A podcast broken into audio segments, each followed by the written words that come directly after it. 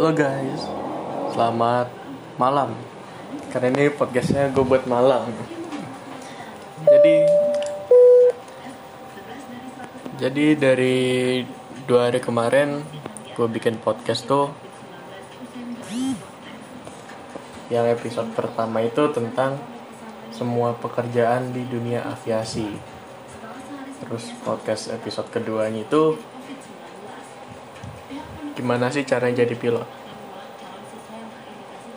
Dan yang ketiga ini yang pengen gue bikin podcast episodenya ya kalian tau lah di judul podcastnya itu menjadi seorang pramugari atau flight attendant atau pramugara.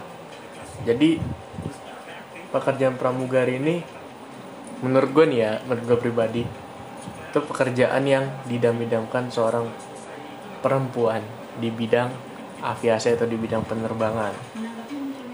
Nah, kalian semua pasti tahu kan pramugari itu apa? Kalau yang belum tahu, menurut Wikipedia nih ya, menurut Wikipedia, pramugara atau pramugari adalah staf ya, perusahaan angkutan umum yang bertugas melayani penumpang. Tugas utama mereka itu sebenarnya menjaga keselamatan dan melayani kenyamanan penumpang selama dalam perjalanan. Kenapa dibilang di sini pengangkutan umum? Karena pramugara atau pramugari itu nggak hanya di pesawat.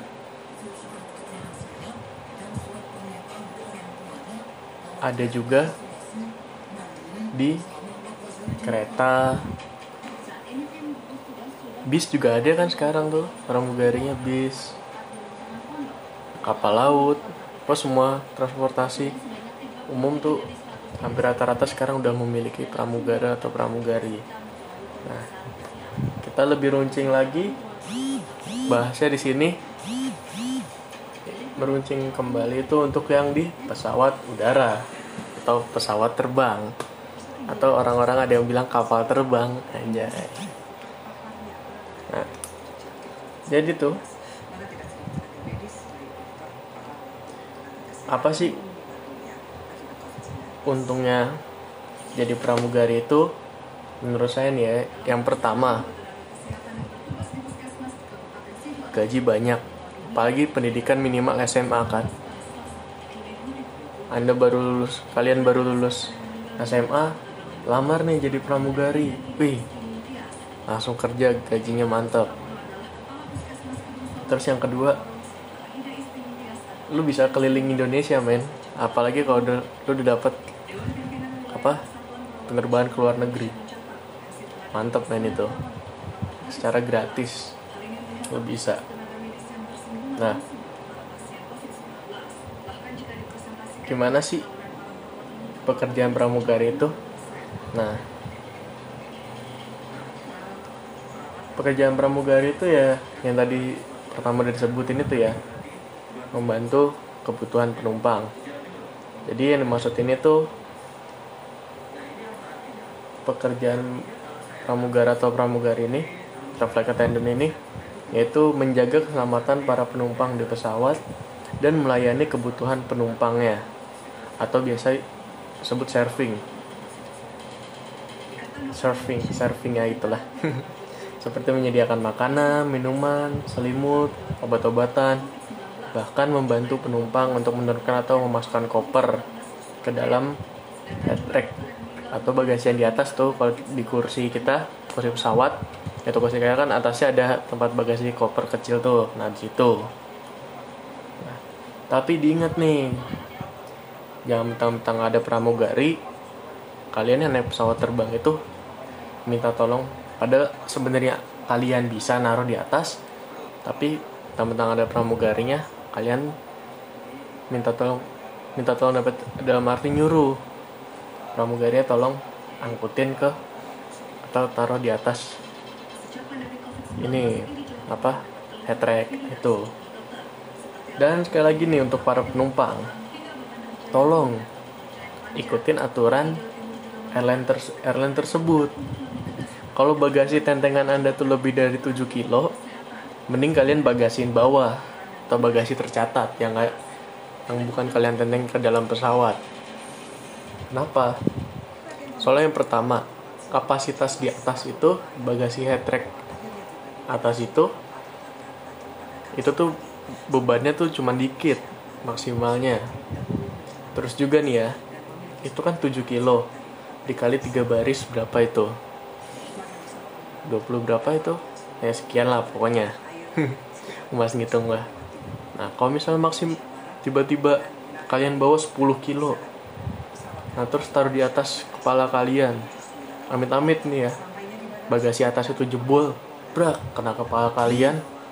Kan lumayan keras itu lumayan berat. Kasihan lah penumpang lainnya. Terus juga dimensi ukurannya tuh kan ada ukurannya. Nah kenapa dikasih ukuran? Supaya pas satu head track itu buat tiga orang. Jadi kita harus bagi-bagi dengan penumpang lainnya nah terus juga nih ya untuk masalah menurunkan atau masukkan koper dengan bantuan pramugari kalian kalau misalnya bisa naruh taruh sendiri lah. Bukannya apa-apa nih ya kasihan juga pramugarinya. Bahkan sampai ada berita tuh saking beratnya nih ya saking beratnya tentengan kalian minta tolong dibantu angkatin ke pramugarinya tapi kalian gak bantu juga itu sampai ada yang tangannya patah atau punggungnya patah loh ada beritanya kalian cek sendiri di Google.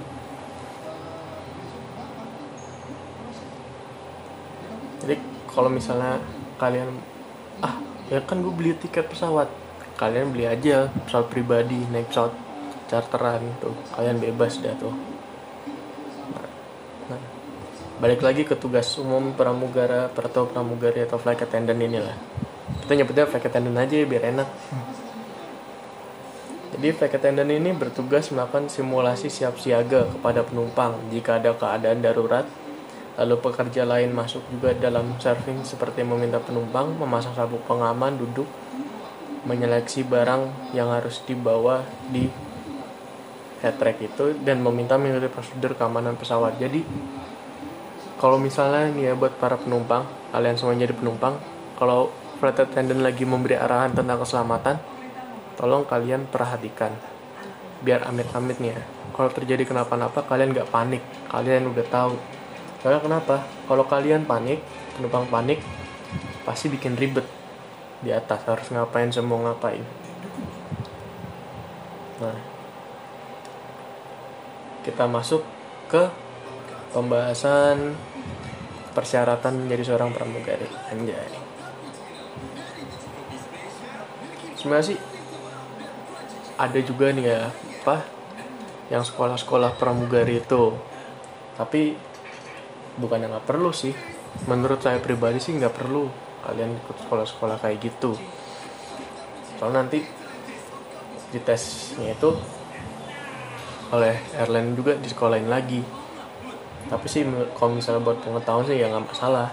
Tapi gue saranin ya lu ngambil S1 dulu dah. Atau ngambil D3 soalnya ada tuh temen gue ngambil pendidikan pendidikan penerbangan gitu. Biayanya 60 lebih lah. 60 lebih biayanya. Ini tuh setara sama pendidikan D3 gua. Gue bilang lu emang gak nyesel kalau ambil itu? Awalnya enggak gue seneng. Tapi lama-lama pas udah lulus nyesel juga. Itu. Terus ada yang embel-embel apa? Embel-embel langsung dapat pekerjaan lah. Enggak. Kalian coba baca di ilmu terbang.com tuh banyak kasusnya yang kayak gitu. Nah kita masuk lagi ke persyaratan persyaratan pramugari ini ya. Persyaratan pramugari itu pertama flight attendant itu yang jelas lu warga negara Indonesia berpenampilan menarik dan berkepribadi, ber, berkepribadian baik. Kenapa sih harus berpenampilan menarik. Kalian tuh nanti tampil di depan penumpang ya di depan umum. Jadi harus bagus istilahnya. Buat perusahaan buat apa namanya tuh istilahnya? Wajah perusahaan dan buat diri kalian sendiri seneng. Terus single yang jelas jelas single belum menikah. Sehat jasmani dan rohani. Terus usia tuh minimum 18 atau maksimum 27 lah pada saat pendaftaran. Ya pas lah kalian lulus SMA kan pas tuh 18 terus untuk tinggi badan ya mohon koreksi nih ya kalau salah mohon maaf. Minimum tuh 158 maksimum minimum 158 dan berat badan ideal dan proporsional. Tidak menggunakan kacamata. Pakai lensa kontak tuh diperkenankan diperbolehkan maksimal minus 3 atau silinder minus 1 dan yang terpenting lagi nih kayak waktu pas episode kedua yang gue bahas. Berbahasa Inggris yang baik lisan maupun tulisan. Nah itu.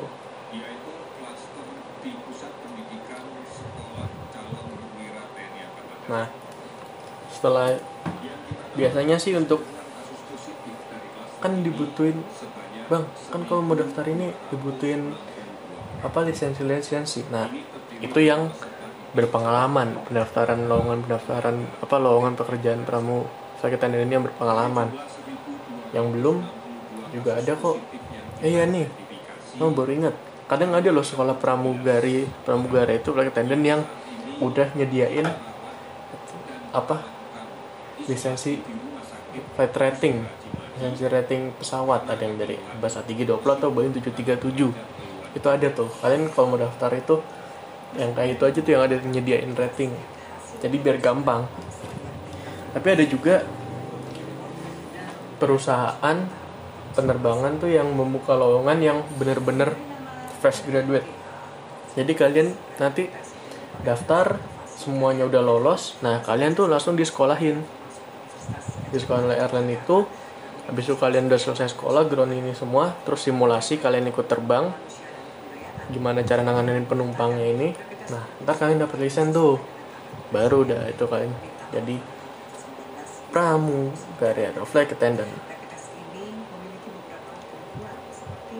gajinya berapa sih mah untuk jadi flight attendant ini? Untuk masalah gaji ya kira-kira tuh sekitar kemungkinan ya 8 lah. 6 atau berapa itu paling rendah. Paling rendah loh ya. Belum ntar ditambah lagi dengan jam terbang kalian.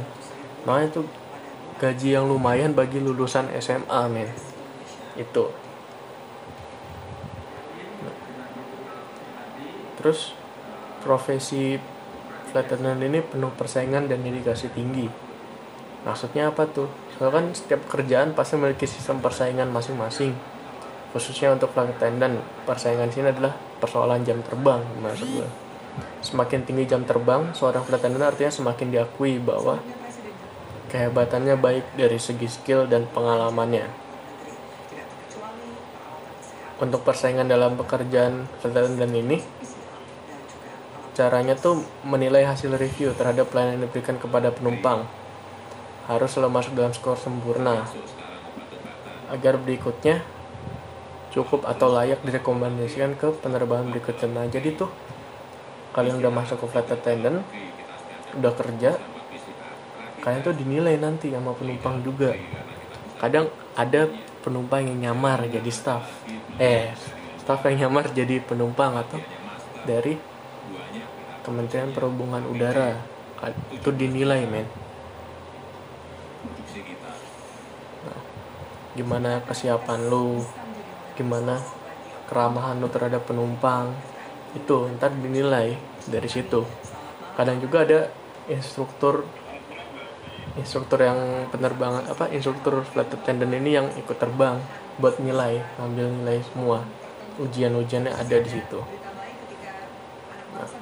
kalau lu siap jadi flight attendant berarti lu harus memiliki mental yang kuat juga untuk menghadapi keadaan darurat saat penerbangan. Agar bisa memberikan simulasi pemakaian keselamatan kepada penumpang dengan tenang tanpa ada kesalahan sedikit pun itu men. Untuk jadi yang flight attendant gitu